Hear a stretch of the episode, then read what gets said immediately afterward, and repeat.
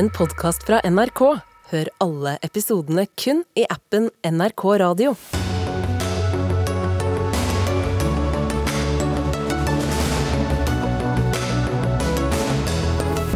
Uenighet innad i Taliban kan muligens bety endring for afghanske kvinner. Forfatter Åsne Seierstad ber regjeringen øke presset mot Afghanistan. Hundrevis av millioner er gått med til å planlegge en vei gjennom Lågendelta naturreservat, men Miljødirektoratet setter foten ned. Sånn kan vi ikke ha det, mener Frp. Kun én av ti trenere i norsk idrett er kvinner. I håndballen er ingen på de høyeste nivåene, selv om kvinner dominerer i sporten. Og førsteklassinger leker mindre enn før. Nå bør frilek inn i norskfaget, mener en professor. God tirsdag og vel møtt til Dagsnytt 18, der dette bare er noen av sakene. I studio denne kvelden, Sigrid Solund.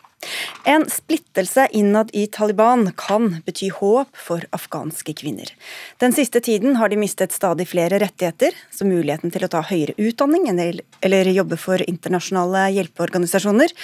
Men du tror at denne dype splittelsen kanskje kan føre til endringer, Yama Wolasmal. Du er Midtøsten-korrespondent og med oss fra Beirut. Hvorfor tror du det? Nei, Vi har snakket med kilder i Afghanistan som vi har valgt å anonymisere av hensyn til den eh, sensitive informasjonen de deler med oss, eh, som sier til oss at det er en dyp uenighet eh, innad i Taliban mellom den pragmatiske delen av ledelsen i Taliban og den mer konservative delen av Taliban-ledelsen. Og De sier at denne uenigheten kommer snart til å resultere i endringer i disse omstridte kvinneforbudene. Og Dette har også langt på vei blitt bekreftet av flyktninger Flyktninghjelpens Jan Egeland, som er i Afghanistan akkurat nå, møter sentrale Taliban-ledere. Han sier også i et intervju til oss at eh, han har fått signaler om at det kommer et dekret i nærmeste fremtid som kommer til å omgjøre på utdanningsforbudet og jobbforbudet for afghanske kvinner. Og de som ønsker å endre dette forbudet, forbudet hva, hva begrunner de det med? Jeg vil først si hvem de er. Dette er kretsen eh, rundt eh, de eh, sentrale lederne i Kabul. Vi snakker her om innflytelsesrike Taliban-ledere som forsvarsminister Mullah Yaqub, som er sønnen til Talibans grunnlegger. Han er ingen hvem som helst. Det er snakk om utenriksminister Motaki, som besøkte Norge i januar i fjor. Og så er det ikke minst Sirajuddin Haqqani, som er innenriksminister og leder det omstridte og beryktede Haqqani-nettverket. Samtlige av disse lederne har eh, gått ut eh, tidligere eh, og internt i Taliban og sagt at de støtter kvinners rett til utdanning og jobb. Og Det er de som leder an nå internt i Taliban denne debatten. De har satt på sidelinjen av de mer konservative delene av Taliban. De innser at Afghanistan ikke kommer seg noen vei hvis ikke kvinner får grunnleggende rettigheter tilbake. De kan glemme å få anerkjennelse internasjonalt, de kan glemme økonomisk utvikling. og Derfor er de innstilt på endre disse forbudene. Åsne Steierstad, du er journalist og forfatter og har skrevet mye om Afghanistan. Hva tror du er sannsynligheten for at disse endringene kan komme? Maktstrukturen i Taliban eh, tilsier at det er vanskelig. Eh, fordi at eh, Taliban er strukturert slik at det er en øverst leder, Haibatullah Konsada, på toppen. Eh, og ingen i Taliban kan gå mot hans bestemmelse. Eh, de kan gå til krig mot ham, men så lenge han lever, altså inntil han er død eller til han blir drept, så går man ikke mot ham, for han er på en måte utpekt av Gud. Um, og jeg snakket med uh, en av de sentrale støttespillerne til nettopp Sirajuddin Haqqani, som uh, Yama Osmal nevnte her. Uh, Bashir al-Khitab, som er en av personene jeg skriver om i min bok. og det som var interessant for å snakke med han, var at han har tre koner. han lar ikke sine egne barn gå på skolen. han lar ikke sine koner gå ut f.eks. For, for å handle. Men selv han støtter ikke eh, dette forbudet mot kvinnelig utdanning, eh, eller altså at kvinner kan jobbe, fordi han mener at folk, eh, selv om ikke han tillater sine kvinner å gjøre det, så syns han at folk skal gjøre som de vil i andre familier. Og det som han sa veldig klart, var at at, at, Afghanistan ikke kan utvikle seg uten at kvinner utdanner seg eller, eller, går i arbeid. Han er for kvinnelige leger. Han er for at andre tar andre valg enn ham selv. Eh, og det som han også la til eh, i forhold til å være en sentral i Hakan-nettverket, er at eh, Sirajuddin Haqqani, innenriksministeren, er lojal til den øverste lederen. Eh, også fordi den øverste lederen er veldig sterk militært. Både i antall soldater og i Det er han som sitter på det meste av våpenarsenalet. Så, så lenge strukturen er som den er, så har jeg kanskje ikke jeg er kanskje ikke så optimistisk på at det blir noen endring, eh, i hvert fall ikke på kort sikt. Selv om folk egentlig ønsker det? Absolutt. Eh, de fleste afghanere, eh, selv langt innad i ganske fundamentalistiske deler av Taliban, tror på utdanning. De tror på kvinners deltakelse i samfunnet. Det er den store forskjellen fra i dag og 90-tallet. At det faktisk er en ny befolkning, selv i Taliban, som ser at de trenger utdanning for å utvikle landet sitt. Ja, men kan det være at de sier det holdt på å si, vi vil høre, altså Vesten, sånn som de også sa da de tok over makten, eller? Det er vanskelig å vite hva slags motiv disse pragmatiske Taliban-lederne har eh, bak dette ønsket. Jeg tror nok deler av dem eh, tenker at, eh, sier dette av strategiske grunner. For de vil at emiratet deres De har kjempet mot vestlige land i 20 år.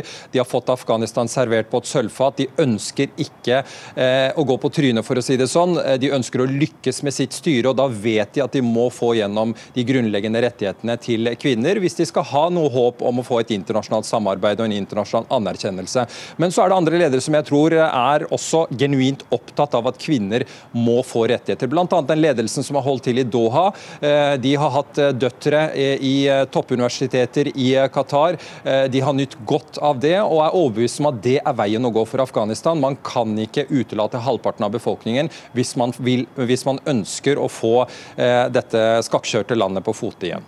Åsne Seierstad, du skrev en kronikk i Aftenposten i helga også om eh, at direkte press mot Taliban ikke fører fram. Det Norge og andre land har gjort, har ikke ledet noen vei. Hvem kan Taliban tenkes å lytte til, da? Jeg tror det er viktig å jobbe under overflaten nå. fordi Vi må ikke glemme at eh, Taliban har vært i 20 år i krig med, med oss, med Vesten, med Nato. Eh, og det vi sier eh, høyt, kan også virke mot sin hensikt. Så Det som blir viktig for Norge, er f.eks. å drive et veldig aktivt diplomati overfor muslimske land. Legge press på muslimske land, slik at de legger press igjen på Taliban. Eh, fordi at det er veldig viktig for Taliban også å ikke tape ansikt. Eh, og for også altså afghanske kvinneaktivister så ser de på dilemmaet ved at eh, utdanning kan bli sett på som et vestlig krav, til tross for at det er et afghansk krav. Og at det er ingenting i islam som sådan som sier at ikke kvinner skal få utdanning. Så her er det viktig å være litt smart i tilnærmingen og jobbe på bakken. Eh, både i sør, i Kandahar, eh, og i resten av landet. Eh, og, og, og, ha, og prøve å få til en tilnærming, og, altså en tilnærming til Taliban, men også at verden på en måte forener seg. Da har vi et problem. Vi har Kina, som er først og fremst opptatt av oljekontrakter de kan få i Afghanistan. Eh, flere andre land, som Tyrkia og andre, driver investeringer med Taliban. Altså, eh, det at hele verden skal bry seg om menneskerettigheter og kvinnerettigheter eh, i Afghanistan, det er en utfordring, og det er et dilemma. men det er der vi må jobbe. Og det, ja, med at alle kvinnene, eller så mange kvinner er fratatt så mange rettigheter nå, hvordan preger det hele sivilsamfunnet i Afghanistan? Altså det, det, Afghanistan var i utgangspunktet et, et, et, et, ikke særlig hyggelig sted for kvinner. og Når vi nå ser det ene forbudet etter den andre som hindrer kvinners mulighet til å utvikle seg, grunnleggende rettigheter som jobb og utdanning, når du blir fratatt disse tingene, så, så preger det naturlig nok hele samfunnet. Og jeg, jeg har bitt meg merke i at uh, dette er noe som aller fleste afghanere er opptatt av, i by og land. Og Veldig mange menn har gått ut på afghansk TV og talt kvinnenes sak. Det er sjelden man ser det i et mannsdominert samfunn som Afghanistan, men det sier noe om hvor dypt disse forbudene stikker. Jeg har sett eh, eh toneangivende afghanske professorer gå på afghansk TV, gråtkvalt, tale Taliban imot, si opp jobbene sine i protest eh, mot Talibans forbud, eh, for å vise solidaritet med alle de unge kvinnene som ikke får lov til å ta utdanning og som ikke får jobbe. Så Det er nok bred bred enighet blant afghanere om at disse forbudene må oppheves så snart som mulig. Da får vi se. Håp må vi alltid ha, selv om det skal litt mer til i denne situasjonen. Takk skal dere ha begge to, Åsne Seierstad og Yama Olasmal.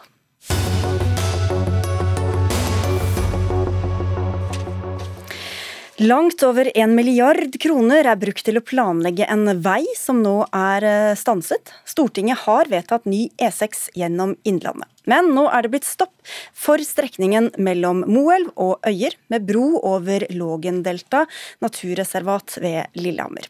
Nye Veier alene har brukt 1,1 milliarder på planleggingen av hele veien. I tillegg kommer alle pengene som Statens vegvesen, statsforvalter og kommune har brukt. Men før jul satte dere foten ned for dette strekket ved altså naturreservatet Ellen Hambro, direktør i Miljødirektoratet. Og hvorfor landet dere på det? Så Verneområder sånn som Lågendelta er opprettet for å ta vare på spesiell og verdifull natur, og det vernet er ment å være varig. Og det er strenge vilkår for å gi dispensasjon til tiltak som har en negativ effekt på vernet.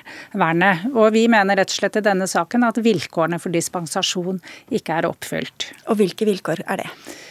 Eh, det ene vilkåret er at det skal være en vesentlig samfunnsinteresse. Eh, I denne saken, altså, veiprosjektet her har en negativ samfunnsøkonomisk verdi på 5,9 milliarder. Vi syns det er vanskelig å se at det kan anses som en vesentlig samfunnsinteresse. Det andre vilkåret er at det skal være nødvendig å gå gjennom verneområdet.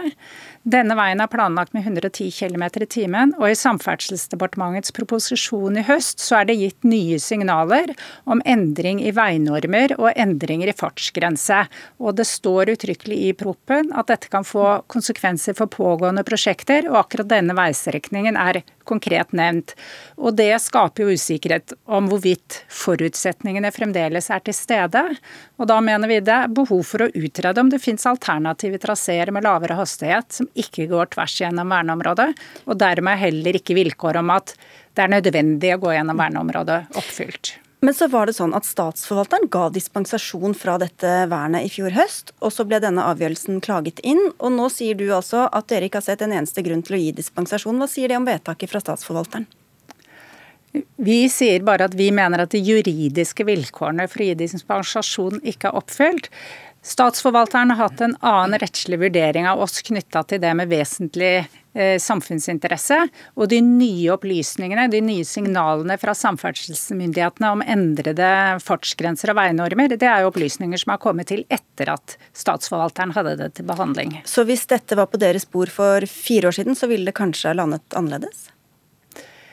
Eh, det er to vilkår som skal være oppfylt, og vi mener at ingen av dem er oppfylt. Men det er klart at de endrede signalene om endrede fartsgrenser og veinormer har vært vesentlig for vår vurdering av at ikke nødvendighetsvilkår er oppfylt. Men hvordan skal Nye Veier og andre forholde seg til at de ikke kan stole på det statsforvalteren sier? Altså Det er helt alminnelig i norsk forvaltningsrett at det er klageadgang på vedtak. Så alle må ta det forbeholdet og forholde seg til at her kan det bli endring i en klagerunde. Så at de eh, har kommet så langt i planleggingen og til og med kjøpt ut eiendommer, er en risiko de har tatt. Men det er klart det at så mange har forholdt seg til det, at Nye Veier har på en måte basert seg på at de ville få dispensasjon, har jo gjort det ekstra vanskelig for oss å fatte dette vedtaket. Men vi mener rett og slett jussen ikke gjør grunnlag for å åpne opp for dette dette. Du ønsker ikke å være med i noen debatt, Ellen Hambro, men vi skal snart få inn FrPs nestleder Ketil Solvik-Olsen. Han sier at han er veldig kritisk til at en part, byråkrater som han sier, kan stanse et prosjekt som er kommet så langt. Hvordan ser du på det? Altså Vår jobb er å forvalte regelverket. og Da er det noen rettslige vurderinger. Er vilkårene for å gi dispensasjon oppfylt? og Det mener vi at det ikke er. Og Så har vi også påpekt i vernevedtaket, eller i vår avgjørelse, at det er en slags reveutgang her. Dersom politikerne likevel skulle ønske å, å, bygge denne veien tvers gjennom verneområdet, så har de en mulighet for å endre verneforskriften og rett og slett grense ut det aktuelle området. Takk skal du ha, Ellen Hambro. Asbjørn Heirås, du er plandirektør i Nye Veier. 1,1 milliarder som jeg nevnte, det er for hele veien, men det er nå satt, brukt en 200-300 millioner bare på denne strekningen. Hvor vel anvendte penger var det, da? Ja, det, det, vil jo vise seg da, eh, om, om det finnes en revutgang av dette uføret vi har kommet over. Men det er klart, eh, mye av den investeringen på 1,1 milliarder er fortsatt eh, vel anvendte penger, for det er en stor del av strekningen som uansett skal bygges ut. Så, så konflikten omhandler jo kun en, en delstrekning. Men, Når det er sagt, så er jo to, kanskje 200-300 millioner kroner også voldsomt mye penger. Og Det er klart, eh, det, det er utfordrende å drive med offentlig planlegging når vi bruker så mye penger. Um, får et vedtak gjennom en kommunedelplan som også statsforvalteren gikk, gikk god for, og kommunene også gikk for. Og så får vi en stopp i, i siste sving før, uh, før, anleggsstart. Men dette er jo sånn saksgangen er, da. Hvorfor ble du likevel overrasket, som du sa til meg tidligere i dag, over at Miljødirektoratet satte foten ned? At det er konflikter med veibygging, det er vi jo kjent med. Og det er eh, systemer og strukturer for hvordan man skal gjøre dette. Og eh, som sagt, eh, disse diskusjonene gikk i 2016-2017, og vi fikk dette vedtaket i 2018. Gjennom mine 30 år med planlegging av vei, så har jeg aldri vært borti at Miljødirektoratet har overprøvd det. Men, men vi tar det jo selvfølgelig til etterretning. og Eh, må jo lære av dette, men det er klart vi kan ikke bruke så mye penger av, av samfunnets midler um, uten å vite at vi, vi kommer til mål. Mm. Da er vi nødt til å innrette planlegging etter plan- og bygningsloven på en litt annen måte. Lars Haltbrekken, du sitter på Stortinget for SV og er veldig glad for denne avgjørelsen, til tross for alle disse pengene som er brukt. Da. Men hva mener du Nye Veier burde gjort eller kunne gjort annerledes? For det første så syns jeg det er helt utrolig at uh, Nye Veier i utgangspunktet planla å bygge en motorvei tvers gjennom et uh, naturreservat. Naturreservat er den strengeste formen for naturvern vi har i Norge. Og her er det oppretta et naturreservat for at det er unike naturverdier. Så helt fra starten av så burde Nye Veier ha planlagt veien utafor eh, naturreservatet. Når de allikevel planla det i naturreservatet, så burde de ha sjekka eh, med miljømyndighetene før de sølte bort eh, 200-300 millioner av fellesskapets eh, penger. Nå var det jo flere traseer som var aktuelle en periode, før det ble politisk bestemt at det var denne, denne veien de ville gå for. Men Heier hvorfor ikke, eh, når det kom så mange protester, i hvert fall underveis, eh, søke om dispensasjon tidligere? Ja, Nå er det jo nettopp gjennom planarbeid at vi, vi utreder forskjellige alternativer. Vi så bl.a. på å utvikle eksisterende vei. Det som ble konklusjonen og vedtaket i 2018, var jo at det var akkurat denne korridoren som var den beste, også for det samla ikke-prissatte, altså miljøkonsekvensene ved veiutbyggingen. At vi skulle fortsatt med et annet alternativ etter det vedtaket, ville vært Eh, på grensen til utilbørlig overfor kommunene og, og statsforvalter som hadde gått eh, god for denne løsningen og vedtatt den. Men da burde jo Nye Veier ha sjekka ut med miljømyndighetene om det i det hele tatt var akseptabelt eh, å gjøre sånn som dere da eh, faktisk gjorde. Og det svaret fikk vi jo nå, etter at dere hadde rota bort 200-300 eh, millioner, at det var det ikke. Jeg vet at du heller ikke vil være med å diskutere egentlig her også, men hvis du vil ha en kommentar på det, så skal du få lov til det.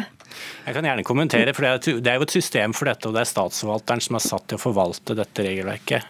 Ehm, at Miljødirektoratet nå har kommet til en eh, annen konklusjon gjennom en klagebehandling, det, det må vi bare ta til etterretning. Mm. Men det er utfordring for oss også å, å søke om denne tillatelsen på et tidligere stadium. fordi at statsforvalteren igjen setter ganske eh, detaljerte krav til hvordan denne veien skal se ut, hvordan broa skal bygges, hvordan den skal fundamenteres osv. før vi i det hele tatt kan søke.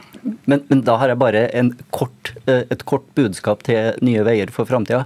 Slutt å planlegge motorveier i eh, naturreservat og sårbare naturområder. Da er nok det notert, tror jeg, fra Nye Veiers side. Så går vi til deg, Ketil Solvik-Olsen. Du er første nestleder i Frp og tidligere samferdselsminister, og veldig kritisk til også hele denne prosessen. Hvorfor det? Jeg, altså Som jærbuss er jeg kjempestolt over at ingen har bygd mer vei i Innlandet enn nettopp eh, det vi gjorde når jeg satt i regjering. Og Det er jo litt trist at når regjeringen nå er proppfull av folk fra Innlandet som bare sitter og ser på, så måtte det altså en jærbu til for å bygge disse veiene. ok, ok.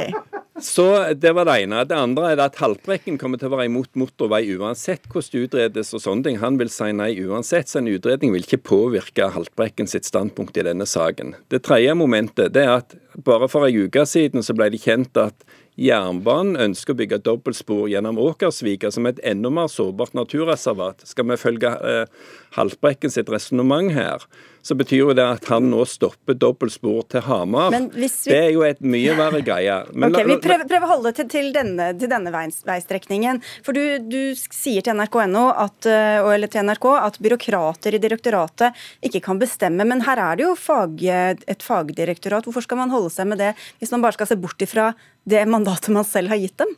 Nei, altså for all del. Det er viktig at vi hører på de ulike sektoretatene som finnes i staten, som skal gi faglige vurderinger av de ulike sakene som kommer. Det er jo sånn en skal gjøre for å oppveie alt fra trafikksikkerhet til næringspolitikk, industriutvikling, arkeologiske eh, ting og naturverdier.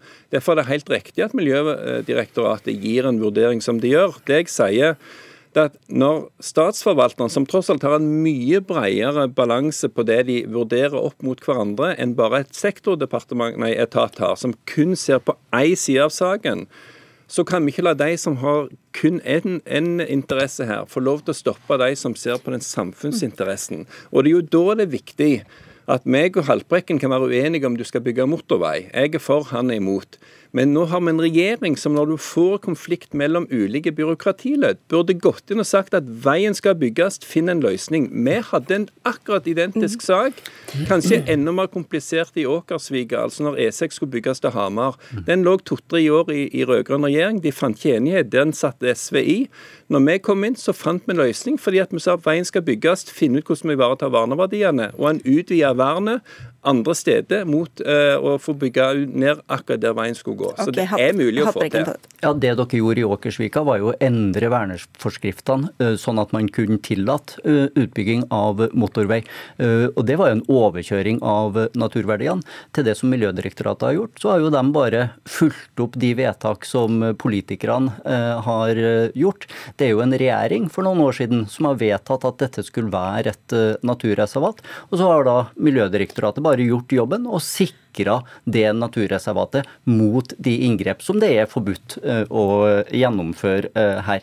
Og som eh, Det vi også da hører fra Miljødirektoratet, er jo at det er jo ikke bare store naturverdier som står på, sto på spill her, nå er de berga, men det har jo også en negativ samfunnsøkonomisk verdi å bygge denne veien på minus 5,9 milliarder kroner. Og det er jo helt utrolig at Fremskrittspartiet går inn for å bygge motorveiprosjekter som fører til sånne samfunnsøkonomiske tap for eh, fellesskapet.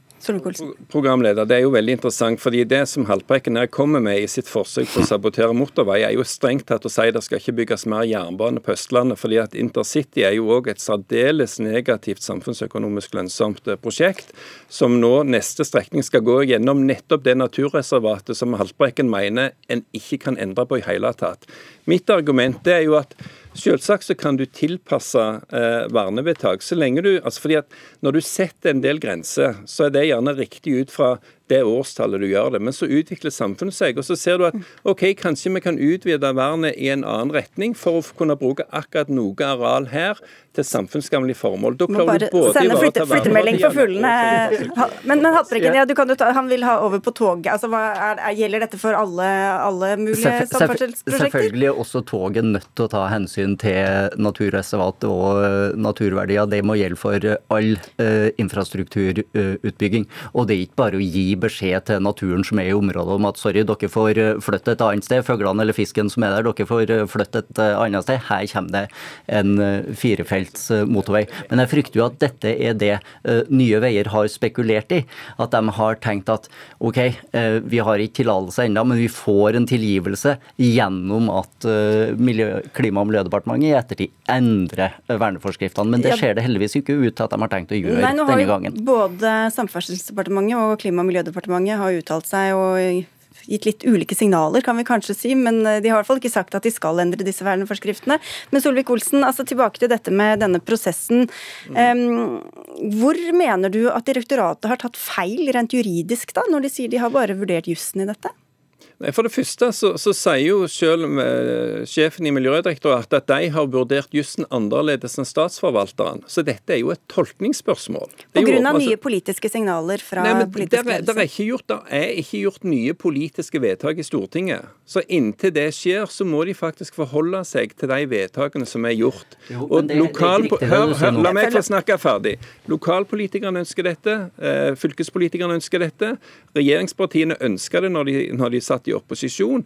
Og det som en må få med seg også, altså Selvsagt, du kan ikke flytte natur, men poenget er at det er mange områder som har store naturområder som kan ivaretas like godt og gi representativt valg. Det en må ta med seg også, det, det, som mange lokale naturvernere sier, det er at den bruløsningen som nå kommer hvis du bygger ny E6, er faktisk bedre for naturen enn der brua ligger i dag. Så du kan faktisk få bedre miljøverdier totalt sett enn det vi har i dag. Men du vet, når, når Haltbrekken er ideologisk imot å bygge motorvei, uansett hvor du bygger det, uansett hvordan det finansieres, uansett hvor du legger den, så er jo svaret hans gitt. Jeg vil heller ha politikere som finner løsning, og derfor er min bønn til regjeringen men, finn løsning endre, i det området dere ja, representerer. Skjønner, ikke må... vent til det kommer en jærbu igjen og styrer dette. Det, det, det, er ikke riktig det som Solvik-Olsen uh, sier om at det ikke har kommet nye signal fra Stortinget, for det har det faktisk. Gjennom uh, forhandlingene om revidert nasjonalbudsjett i vår, så fikk SV gjennomslag for at man skulle se på uh, planene om de store motorveiutbyggingene i landet, og også at man skulle da se på å gå fra i stedet for 110 km i timen og brøyte seg fram i naturen, så skulle man redusere fartsgrensene. Ja, for da trenger du ikke så brede veier og så strenge krav til Da kan du tilpasse veien ja. mer til det landskapet der den skal gå. Du slipper å kjøre brøytebil gjennom uh, naturen. Men du hadde ikke sagt ja til den veien selv om den var to meter smalere. Det må du innrømme, okay. Haltbrekken. Det er et vikarierende argument du kommer med. Ja, greit, Overhodet ikke. For det vi har sagt, er at vi vil nedskalere uh, disse store motorveiene. Sånn at uh, vi vil i stedet ha trygge hverdagsveier for folk, i stedet for svære motorveier som både bidrar til økt biltrafikk, men også Det, det er snakk om noen meter forskjell i bredden. Dere? Nei, nei, nei, nei, snakke i munnen på hverandre, det er ikke lov. Da sier jeg takk til eh, dere alle sammen. Så får vi se da om regjeringen endrer på disse forskriftene eller ikke. Takk skal dere ha i hvert fall eh, alle fire. Ellen Hambro, direktør i Miljødirektoratet. Asbjørn Heierås, plandirektør i Nye Veier. Lars Haltbrekken, eh, som sitter på Stortinget for SV, og Ketil Solvik-Olsen, som er første nestleder i Fremskrittspartiet.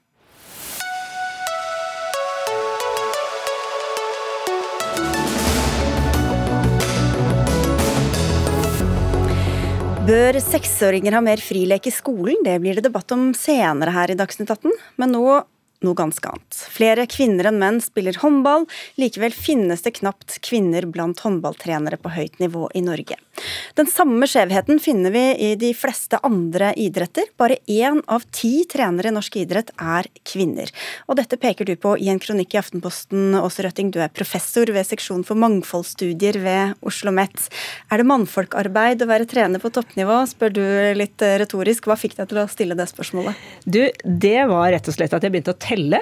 Fordi, sånn som jeg skriver i kronikken, så hadde jeg sittet i romjula og sett på amerikansk basket på toppnivå, og da ble jeg veldig forbløffet over at det var så mange kvinnelige hovedtrenere. Så tenkte jeg hva, hva, kan dette komme av? Altså, amerikanske, den amerikanske konteksten er jo ikke det vi først og fremst forbinder med kjønnslikestilling. Eh, de har dårlige på en måte, insentiver for likestilling, sånn at jeg ble veldig overrasket over det. Og så begynte jeg å telle, og da ble jeg enda mer forbløffet. Ja, for Hva fant du da? Nei, Da fant jeg jo at bl.a. Eh, i eh, toppidretten, altså toppserien i fotball, så var det altså ingen kvinnelige hovedtrenere per i dag, og heller ingen kvinnelige assistenttrenere. Jeg fant tre keepertrenere. Eh, og, og, det visuelle inntrykket var også helt overveldende. fordi at på mange av disse nettsidene hvor de har presentert lagene sine, så har de alle, de, alle damene først. Og så nederst så var det støtteapparatet. Og et par av klubbene hadde altså ni menn. Altså det var helt sånn massivt inntrykk eh, av alle disse mennene i, eh, som ledere og støtteapparat, og trenere, da. Eh, ikke minst, eh, i norsk for, toppidrett. For kvinnelige utøvere. For kvinnelige mm. utøvere. Mm. Og, og, og, og, noe av det forbløffende her er jo altså, hva, hva, kan det si oss om ideer om liksom, autoritet og lederskap i idretten? Fordi jeg må få lov til å si det først. Jeg er veldig, veldig glad i idrett. Eh, og, jeg har løpt orientering mot Hanne en gang på 90-tallet, da hun vant, selvfølgelig. Og jeg fylte listene et godt stykke lenger ned. Og, vi som er glad i idrett, og som har barn som driver med idrett, skal jo være enormt enormt takknemlig for alle de som legger ned et enormt frivillig arbeid som trenere, og derav veldig, veldig mange menn. Mm. Sånn at når vi snakker om disse tingene, så er det viktig å liksom holde tunga rett i munnen. Hva er det vi fokuserer på? Er det da eh, bredde, eller er det topp? Og nå er det jo nettopp toppnivået mm. som er det interessante her. Selv om det kan jo selvfølgelig være en sammenheng der også. Men Hanne, det er deg, Hanne Staff. Du er leder av prestasjon og utvikling i Olympiatoppen, og som vi hørte her, fire ganger verdensmester i orientering. Men hva sier du til disse tallene? Nei, Dessverre så er jeg ikke jeg like forbløffet eller overrasket. Eh, det må jeg jo si. Jeg har jo jobbet i Olympiatoppen i mange år og har jo også utøverbakgrunn. og jeg må jo, Hvis jeg går helt tilbake til min egen utøverbakgrunn, så husker jeg selv at uh, når vi skulle ha ny trener, så var det egentlig bare menn vi så for oss. Det var menn vi foreslo. Det, det lå ikke langt framme i panna å foreslå noe annet. Uh, så allerede da så var jo både Olympiatoppen og idretten opptatt av hva gjør vi med det her. Og det har vært Nylig avdøde Dag Kaas ledet jo veldig mange kvinneprosjekt på 90-tallet og tidlig 2000-tallet det vi så ut av det, var jo at eh, jo, det ga en viss effekt. Vi fikk flere kvinner inn i lederskap, men veldig liten effekt på akkurat det som går på trenerstillingen. Mm.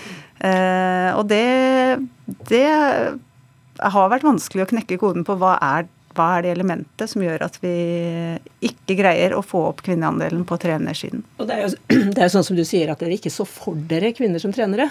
Det er jo det som er noe eh, altså kvinner, jeg kvinner fra idretten som jeg har snakket med, sier jo nettopp det at eh, de blir ikke gjenkjent som trenere, f.eks.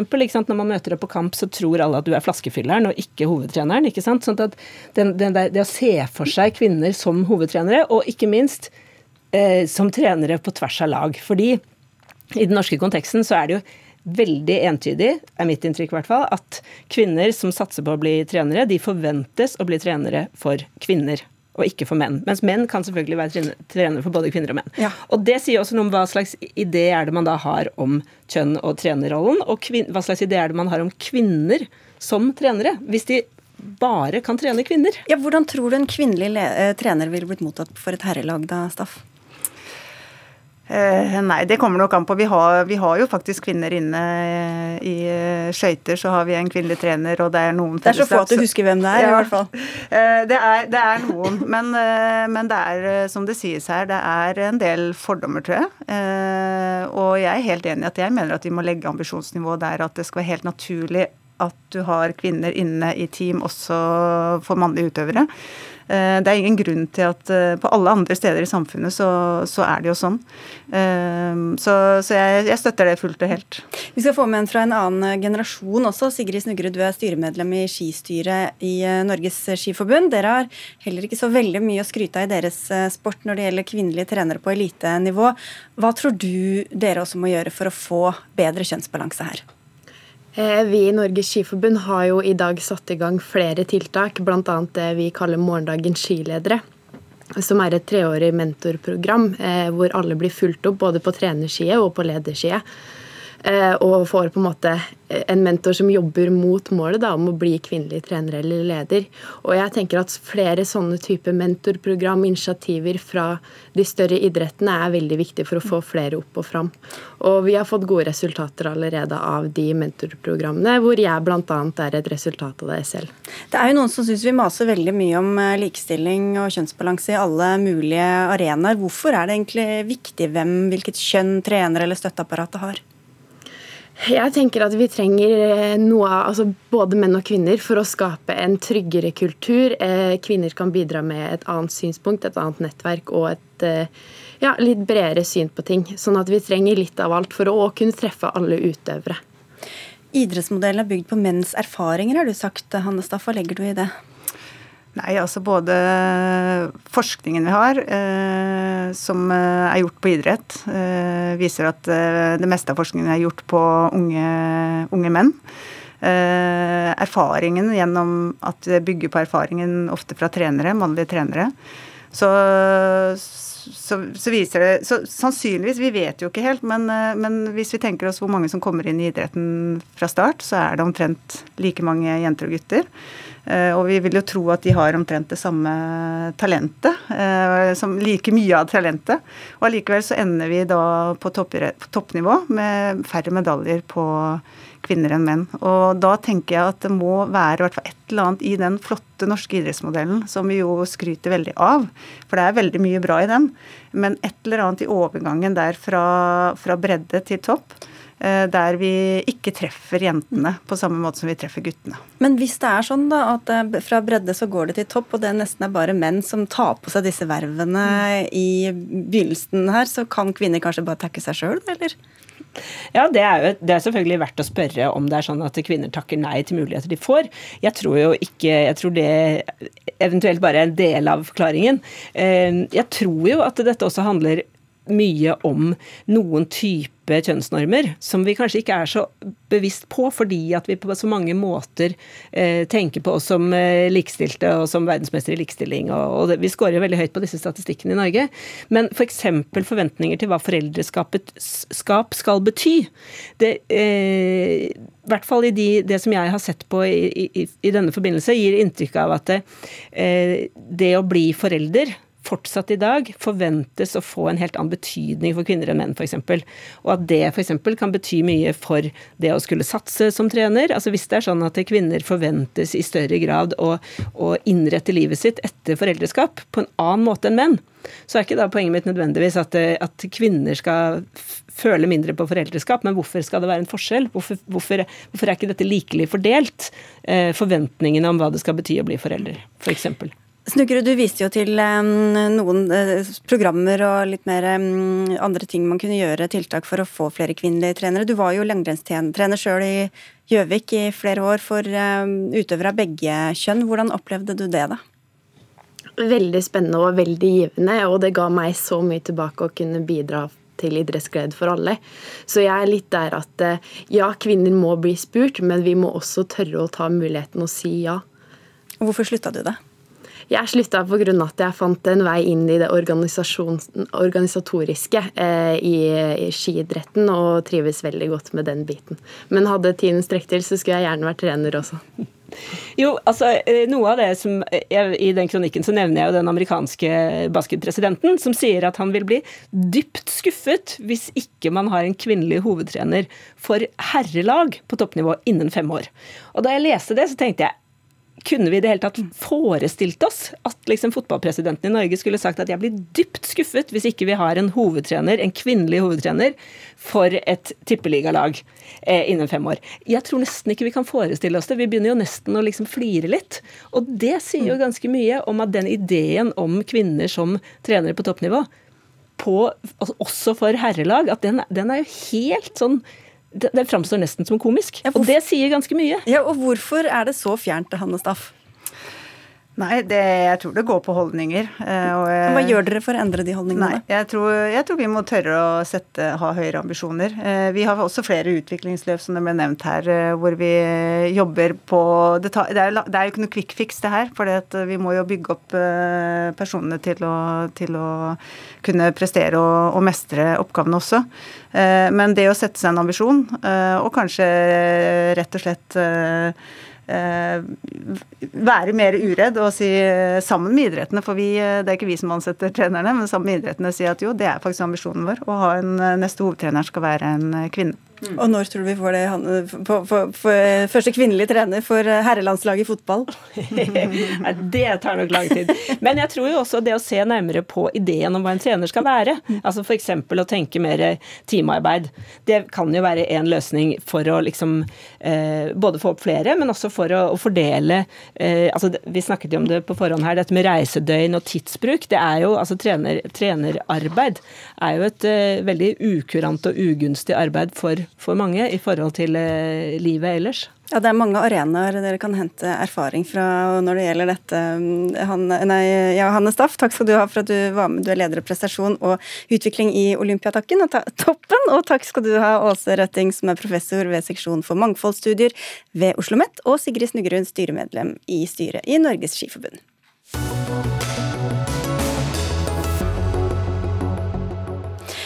LO-leder Peggy Hessen Følsvik skal lede Arbeiderpartiets valgkomité. Det ble klart under partiets sentralstyremøte i dag. Komiteen skal foreslå sentralstyre og ledelse foran Arbeiderpartiets landsmøte i mai. Men hvordan står det egentlig til med det lange, tette forholdet mellom LO og Arbeiderpartiet?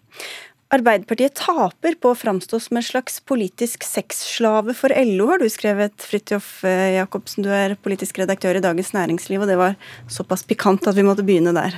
Ja, Det var et godt innsalg fra meg. Vi har ikke sånn karikaturtegner i Dagens Næringsliv, så vi må lage bildene selv. Du vet hva som skal til. Det blir litt plumpere, men uh, sånn var det. Nei. For du hadde et lærkledd inni der også, som jeg ikke tok. Et, et lærkledd, ja. Nei, jeg, jeg tror eh, det som har vært påfallende etter hvert som det har gått dårligere og dårligere for Arbeiderpartiet, har vært at de har fått, uh, fått stadig vekk utfordringer og påpakninger og kan man si kjeft eller kritikk fra LO, som jo er den viktigste politiske partneren til partiet. Og som jo stort sett får det de peker på av, av denne regjeringen, og spesielt Arbeiderpartiet.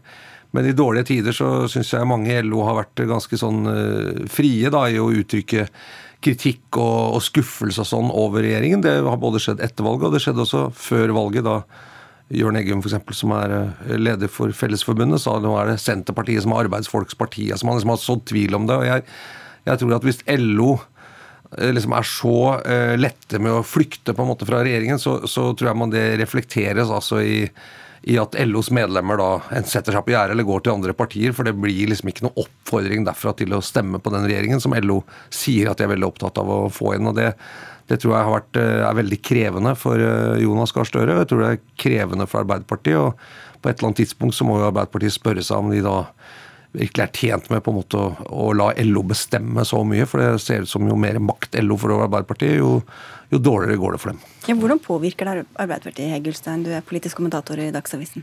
Mm. Uh, nei, uh, mitt inntrykk er også at det har vært ganske surt mellom LO og Arbeiderpartiet etter, uh, etter regjeringsovertagelsen i forfjor, blir det jo nå.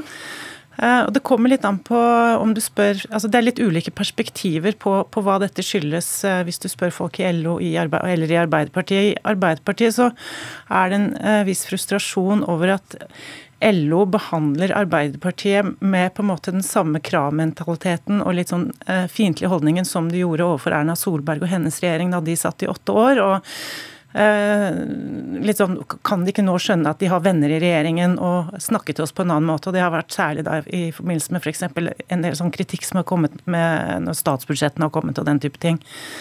Men fra LO sin side så er, leser man det på en litt annen måte. fordi da handler det også om at Arbeiderpartiet må forstå at når vi var sammen i opposisjon mot en høyreregjering, så var vi mer sammensveiset. Nå er det også LOs rolle å stå litt på utsiden og kritisere de som styrer landet.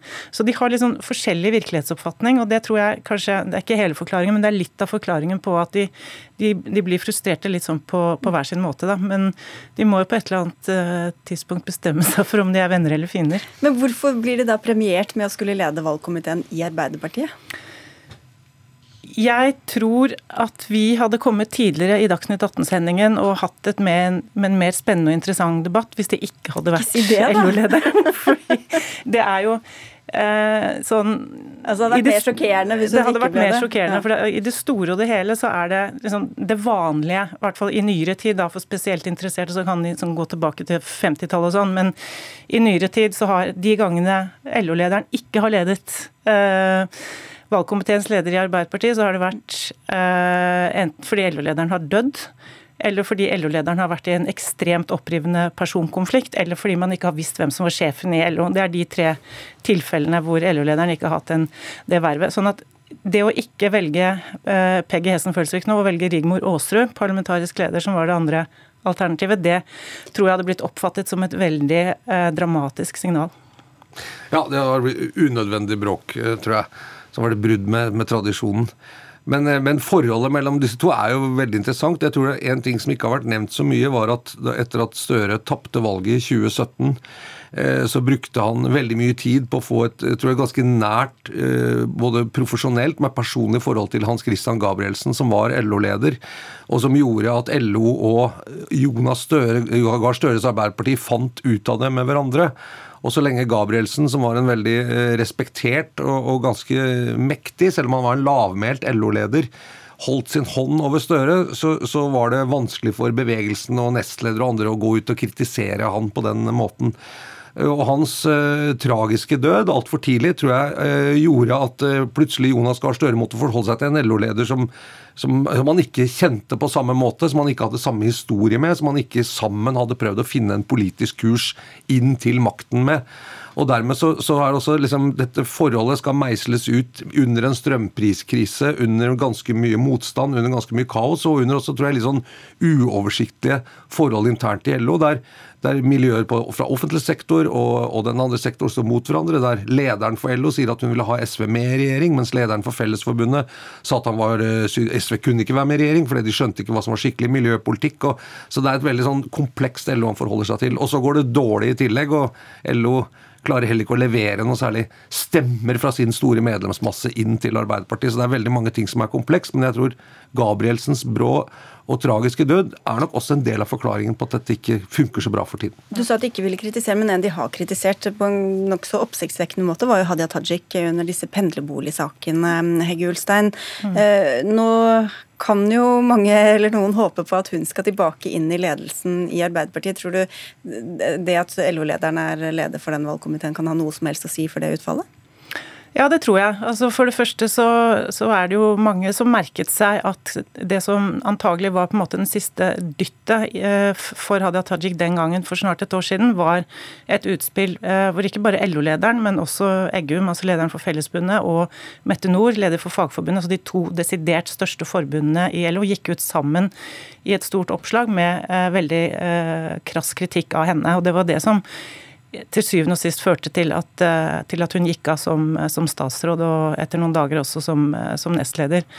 Så, og Det er jo en av grunnene til at det har vært mye diskusjon om hvem som skal bli leder av, av valgkomiteen. Det er nettopp den historien vi snakker om her. fordi det er mye som tyder på at eh, Tajik ser ut til å ønske seg et comeback, enten i sentralstyret og kanskje til og med som nestleder. og hva da med en valgkomitéleder som har vært så tydelig mot henne? Og det er vel ikke så lenge siden, og det tror jeg var i Dagens Næringsliv, at hun sa i et uh, intervju at hun uh, i hvert fall ikke ville si, svare ja på om hun har tilgitt henne. Så det, det, er en problemstilling som jeg tror vi kommer til å hva skal vi si, se mer til når valgkomiteen setter i gang arbeidet sitt etter etter når de blir formelt valgt, som faktisk er på Valentine's Day, Fritjof, Så der har du ny, eh, et nytt lite ja, bilde du kan bruke. Ja, litt visuelt uh, litt, uh, bilde der. God, god tid til å tenke meg om, ja. På det. Uh. Men dere, dere, altså, hvis det er så dårlig stemning, og folk, LO stemmer ikke på Arbeiderpartiet, og Arbeiderpartiet føler at de blir dolket i ryggen, hvorfor skal de Hvorfor skal de ha dette tette forholdet i det hele tatt? Tjener de på det? Det, er egentlig et godt spørsmål. Når Arbeiderpartiet har vært stort, det har, har jo alltid hatt et nært forhold til LO, men, men, eh, som jeg i hvert fall opplevde, så har Arbeiderpartiet sagt at vi har LO, men vi har også noe mer enn bare LO. Eh, vi driver politikk som særlig på arbeidslivsområdet, og det jo, gjorde jo også denne regjeringen. Så har vi en del på de konkrete som har med arbeidsliv og noe fordeling og sånn å gjøre, hvor vi er veldig inne. Så skal vi stå for en Eh, utvikling når det gjelder olje, som gjør at man ikke legger ned norsk industri, eh, at man omdanner den osv., som var det berømte kompromisset da mellom LO og AUF. Eh, men samtidig så har Arbeiderpartiet sørget for å sagt du kan også være for andre. og Nå har vi jo hørt både Vestre, næringsministeren og Jonas Gahr Støre de siste dagene fra romjulen utover nå si sånn vi er også for folk som lager, skaper verdier. Vi er folk for, for, eh, for, folk som eier og skaper bedrifter. Vi er også for bedriftsledere. Vi skal ikke bruke ord som velferdsprofitører, og de har kritisert uh, Følsvik sin bruk av dette ta de rike-konseptet. De prøver nå å ta ut hvert fall en viss sånn retorisk distanse fra det som kanskje er litt sånn LO på sitt litt mer sånn sjablongaktige vulgære, da. Men, men om, det, om, det, funker, det, det vet jeg ikke. Det er i hvert fall interessant å se når dette forholdet er såpass det virker liksom så lite konstruktivt for begge parter akkurat nå. De gjør hverandre ikke gode, i hvert fall. Og hva valgkomiteen kommer fram til, det vet vi ikke før om flere måneder. Så det blir rikelig med tid til å snakke om dette før den tid. Takk skal dere ha begge to, Hege Ulstein og Fridtjof Jacobsen.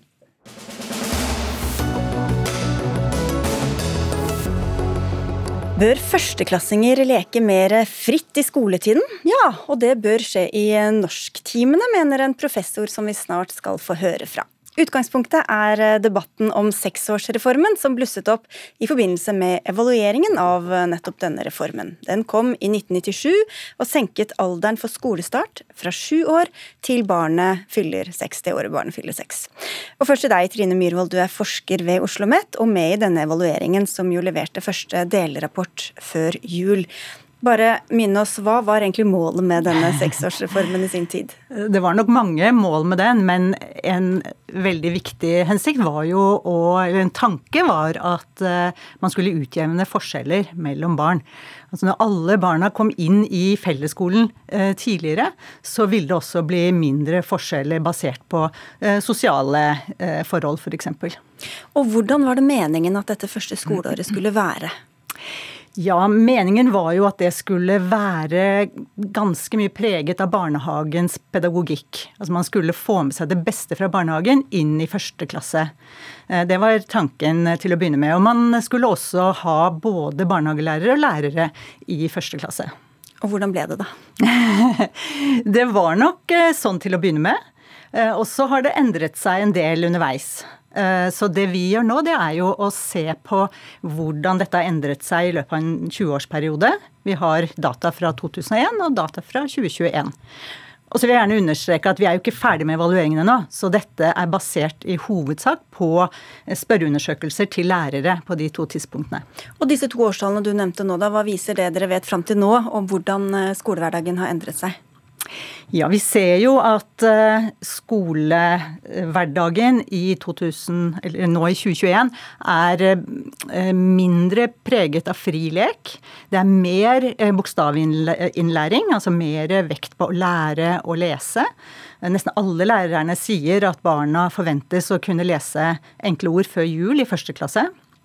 Det er mer lærerstyrte klasserom, altså mindre frilek men fortsatt ganske mye lek. Og fortsatt så er eh, klasserommene, om ikke organisert akkurat sånn som de var i, i, i 2001, så er de ikke helt sånn tradisjonelle klasserom. Så, så, vi ser jo at det har beveget seg i retning av mer sånn vanlig skole, men ikke helt til vanlig skole. Og hvorfor tror du at eh, det gikk den veien?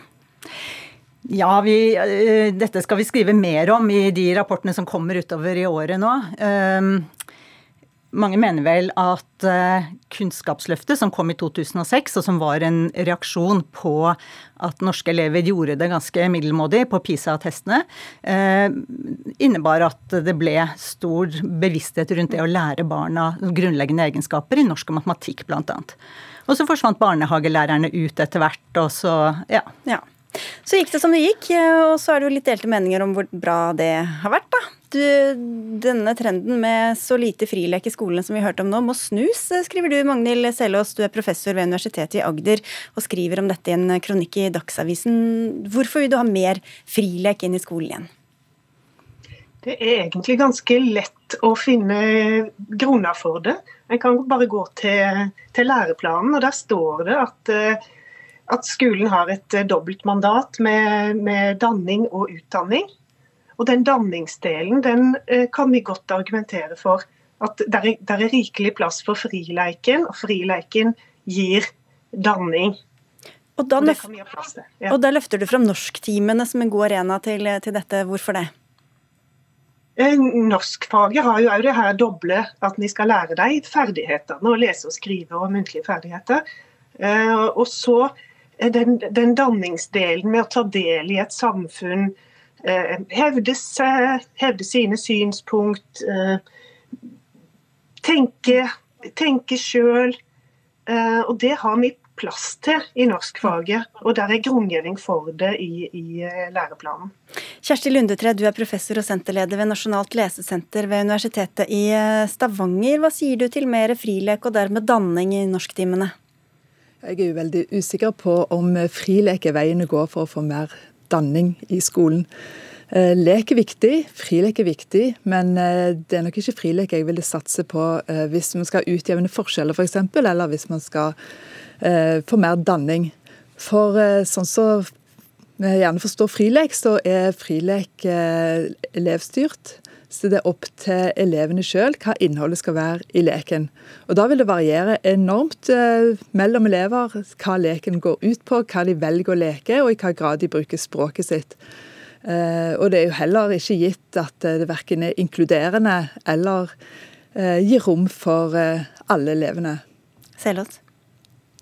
Nei, eh, det er jo ikke et eh, spørsmål om enten-eller her. Men her er absolutt rom for den frie leiken der ungene tar initiativ sjøl og styrer leiken sjøl, eh, der er, har, blitt en tendens til at en eh, kaller alt mulig for leik.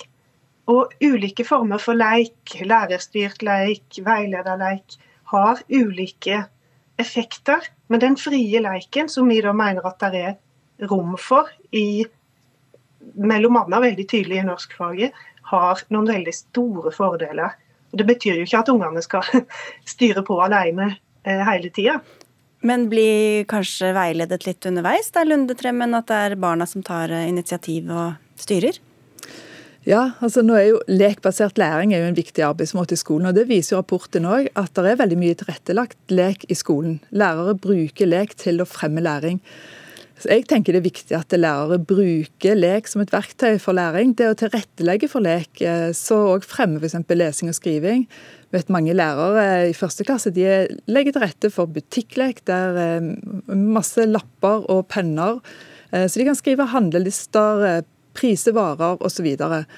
Men skal det være ren frilek, som er styrt og initiert av elevene, så vil det bli veldig tilfeldig hva læring og danning man får ut av det. Ja, Og kanskje til og med forsterke forskjellene, hører vi Selås?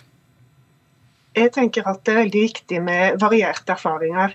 Og En får jo ikke varierte erfaringer og, eh, og gjøre det samme hele tida.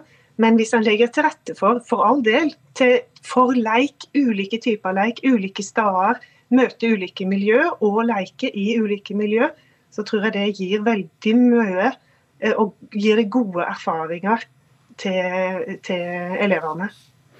Hva mister man Lundetre ved å bare ha denne lærerstyrte leken, tror du? Jeg tenker man har ikke bare lærerstyrt lek, fordi man har eh, uteskole, man har SFO, man har friminutt og man har andre lekeøkter. Eh, men i skolen så er det jo viktig at elevene skal få like muligheter for læring. Og Elevene er òg motivert for læring når de begynner på skolen, og de forventer at de òg skal lære f.eks. bokstaver, lesing, skriving. Eh, og Det er noe de er motivert for, noe de har lyst til. Og Det kan man òg tilrettelegge for eh, gjennom lek og engasjerende god undervisning. Det viktige er at elevene opplever mening, og at de får eh, oppleve medvirkning. Mm. Eh, det kan de gjøre gjennom frilek, ja, men eh, hvis, skal, altså hvis det går opp til elevene hva innholdet i undervisningen skal være, så tror jeg vi forsterker forskjeller heller enn å jevne ut. Men selv oss, Hva slags lek og hvor mye ser du for deg? Skal det være som et friminutt inne i timen, eller hvordan skal den frileken foregå? Det er prøvd ulike løsninger på det. Om leken skal være en slags eh, motivasjon, eh, om det skal være avbrekk, om det skal være om dagen f.eks. skal starte med en time frileik eh, hver skoledag, eller om en skal ha eh, halve dager med leik. Men det, en har jo sett at eh, elever har mange flere skoletimer, spesielt i løpet av eh, de første åra. Det betyr at, at skoledagen er blitt veldig lang. Eh, det er veldig mange timer som blir organisert, og det er mange eh, ting en ikke får øvd på. Eh, som å, å, å, styre seg sjøl og ta beslutninger sjøl, diskutere med andre, lære av de andre. Um, så jeg tror jo at det er rom i denne her i det, alle de her ekstra mm. timene som er kommet i skoletida. Ja, Det kan jo bli veldig lange dager for små kropper, eh, Lundetre, som er vant til eh, ganske stor frihet i barnehagen, og kanskje særlig gjelder det gutter og de som er født seint på året, som vi hører at kan ha vanskelig for å slå seg til ro og finne seg til rette i skolen sånn som det er nå, kan de tjene på mer frilek? De kan helt sikkert tjene på både lek og frilek, men eh, det viktigste er at det er læringsaktiviteter. Så hekter de på, at det er engasjerende, at det er meningsfullt. Eh, og at de òg får være fysisk aktive. Eh, at de ikke må sitte for lenge i ro, f.eks. med ensformige oppgaver. Men hvis de skal få bruke språket sitt, så, må, så trenger pedagogene i klasserommet så de får utvikle språket sitt, både det skriftlige og det muntlige. Eh, så er det helt topp å bruke lek til å fremme læring, men Eh, ved å legge opp til frilek i norsktimene, så blir det for tilfeldig om elevene får brukt språket og utvikla det. Og for alle som stiller eh, med stor sekk, eh, Magnhild Sehl, og så gleder seg til å begynne på skolen, og så er det bare barnehagen om igjen, så blir det kanskje en stor skuffelse med masse frilek i skolen? Jeg tror ikke det er noe problem. Det er all verdens muligheter for å lære, og som jeg sier, i varierte, eh, varierte erfaringer. Det er så mange ting en skal lære når en eh, begynner på skolen. Alt handler ikke om eh, bokstavtilegning eller eh, avkodingsferdigheter. Det, det, er veldig mange ting en skal lære. Og det, er veldig mange av de tingene lærer en i frilek. Og så får vi se da, når dere kommer med neste rapport, eh, Trine Myhrvold. Når er det? Det er i løpet av året. Vi kommer med to i løpet av året, så evalueringen skal avsluttes eh, nå i år. Mange nye anledninger til å diskutere. Mm. Takk skal du ha. Takk til Magnhild Selås og Kjersti Lundetre. Dagsnytt 18 er ved veis ende. Gro Arneberg, Ragnhild Bjørlik og Sigrid Solund takker for følget og ønsker en god kveld. I morgen er Espen Aas her i denne stolen.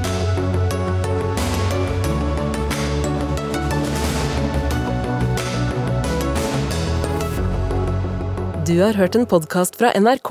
Hør alle episodene kun i appen NRK Radio.